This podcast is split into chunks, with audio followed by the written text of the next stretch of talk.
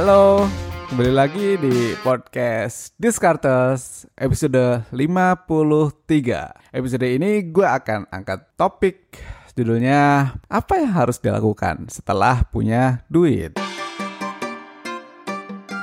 Buat teman-teman yang baru join ke podcast Discartes, ini adalah podcast tentang ekonomi, keuangan, dan bisnis. Di sini kita akan kulik, kita akan ngobrolin semua yang berhubungan sama keuangan, baik itu di buku maupun dari ide-ide di sekitar kita semua. Tentu ditambahkan dengan ide dari gua.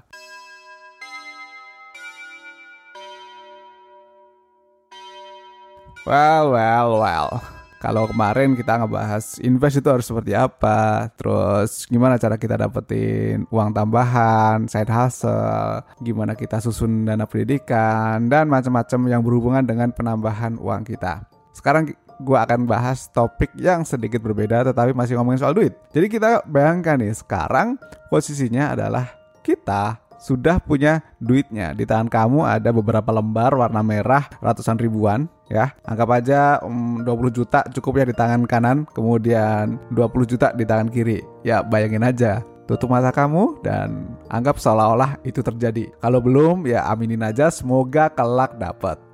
Nah, guys, teman-teman semua, alien-alien, ada satu hal yang mau gue tekankan di sini adalah ketika kita mencari uang, ketika kita mencari penghasilan, itu kita punya satu teknik khusus, ya kan?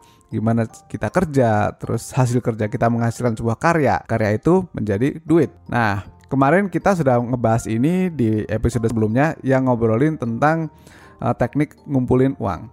Sekarang, apa yang membedakan antara orang yang ngejar duit, ngejar kekayaan dengan orang yang ngejagain duitnya, menjaga kekayaannya. Jadi ada dua hal memang. Yang pertama adalah gimana cara kita punya duit dan kedua adalah gimana caranya biar kita tetap punya duit itu. Stay rich. Bukan ngejar kekayaan lagi, tetapi ngejagain biar gak bangkrut, biar gak jatuh miskin gue tidak akan ngejustifikasi ngejudge orang yang bangkrut itu sebagai orang yang bermasalah enggak karena pada akhirnya ada kok orang yang bernasib sial. Bisa saja kalian yang lagi dengerin atau gua yang ngomong di sini bisa saja kita mengalami nasib yang buruk. Bisa banget. Makanya di sini tugas dari gua adalah ya kita ngobrol gimana biar itu nggak terjadi. Memperkecil peluang terjadinya kesalahan dalam ngelola uang. Yang pertama mau gua obrolin adalah semua orang yang sudah sampai di level oke okay, gue udah dapat uang banyak nih terus ngejagain kekayaan itu selama bertahun-tahun mereka selalu punya planningnya financial planningnya dan ini yang penting nih ngejalaninnya jadi percuma kita punya financial plan kalau nggak ngejalaninnya oke okay ya rata-rata mereka yang super tajir sih udah ada fin plannernya sendiri-sendiri gitu kan. Kalau kita, kita lagi ngejar ke arah kaya, ya kita yang nyusun buat diri kita sendiri. Nanti kalau kita udah katakanlah cukup nih uangnya. Berarti kita bikin film planner kita sendiri, kita jagain itu sendiri. Kalau kamu butuh konsultan lain ya silakan, tetapi paling enggak adalah kita ngerti. Jadi biar nggak disalahgunain gitu loh. Perlu kita ngerti soal itu.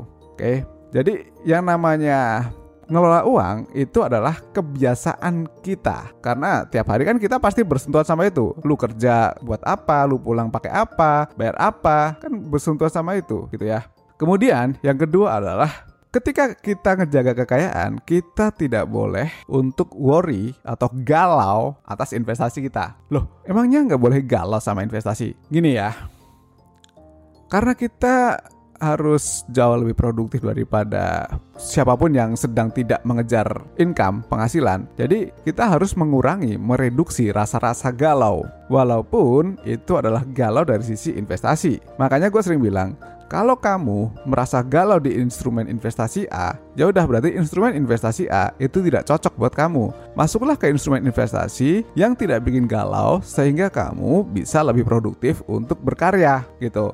Karena pernah denger lagi di episode pertama podcast Diskartes ini, gua kan udah nekenin investasi tidak membuat kaya, tetapi yang membuat kaya kita adalah karya kita. Hasil dari karya kita gitu baru kita pisah untuk kebutuhan dan untuk investasi. Jadi jangan sampai karena porsi investasi membuat kamu galau, akhirnya justru merusak karya kamu gitu ya. Teman-teman di sini, alien-alien di sini harus pahami kedua hal ini harus dijaga gitu.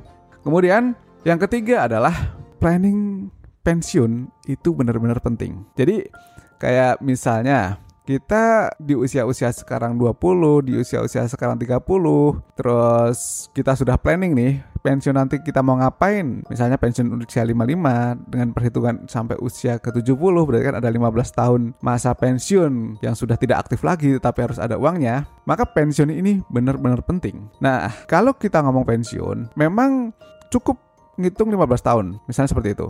Tapi alangkah baiknya kita mempersiapkan lebih dari itu.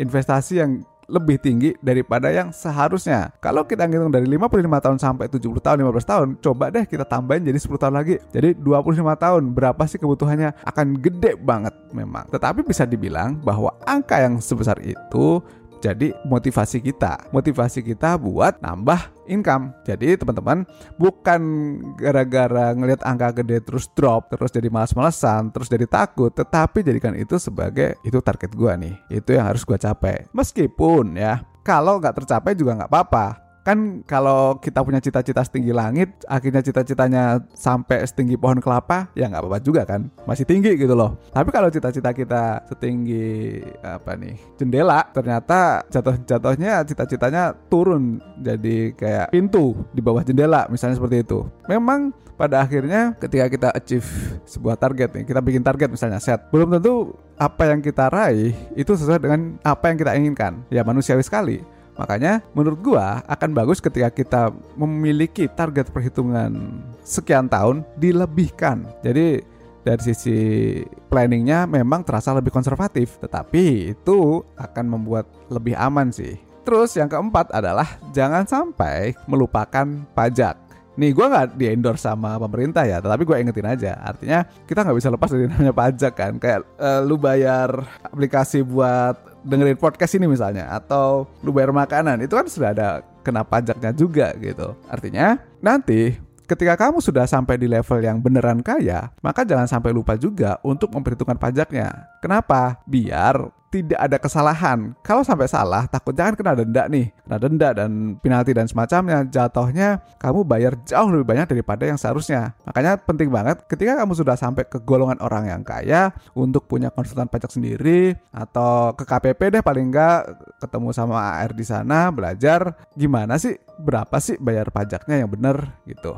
Kemudian yang kelima yang terakhir ini menurut gua paling penting ya paling penting tapi tidak gue omongin di depan paling akhir nih Jangan lupa berbagi. Meskipun kamu belum kaya juga memang seharusnya sudah berbagi juga. Tetapi poin penting di sini adalah kita sama-sama dalam journey yang menuju lebih baik gitu kan. Jadi kita nggak boleh lupa juga kita dulu kayak gimana sih? Apakah kita dulu orang yang dari keluarga super tajir atau enggak? Jangan lupakan itu.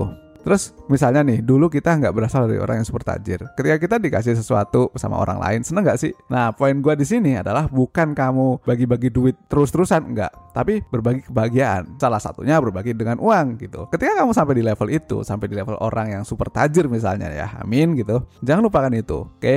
Jangan lupakan siapa kamu yang dulu dan apakah kamu mau meninggalkan uh, jejak happiness di setiap orang yang kenal sama kamu gitu bukan berarti kamu super royal enggak karena itu juga tidak mendidik ya harus diperhitungkan antara sikap memberi yang mendidik dengan sikap memberi yang tidak mendidik. Oke, okay? itu dari gua. Mudah-mudahan obrolan kita kali ini bisa membantu mindset kamu biar memiliki uh, goals yang lebih baik. Kemudian mudah-mudahan juga bisa achieve dan sampai jumpa lagi di podcast Discartes episode selanjutnya. Thank you and bye bye.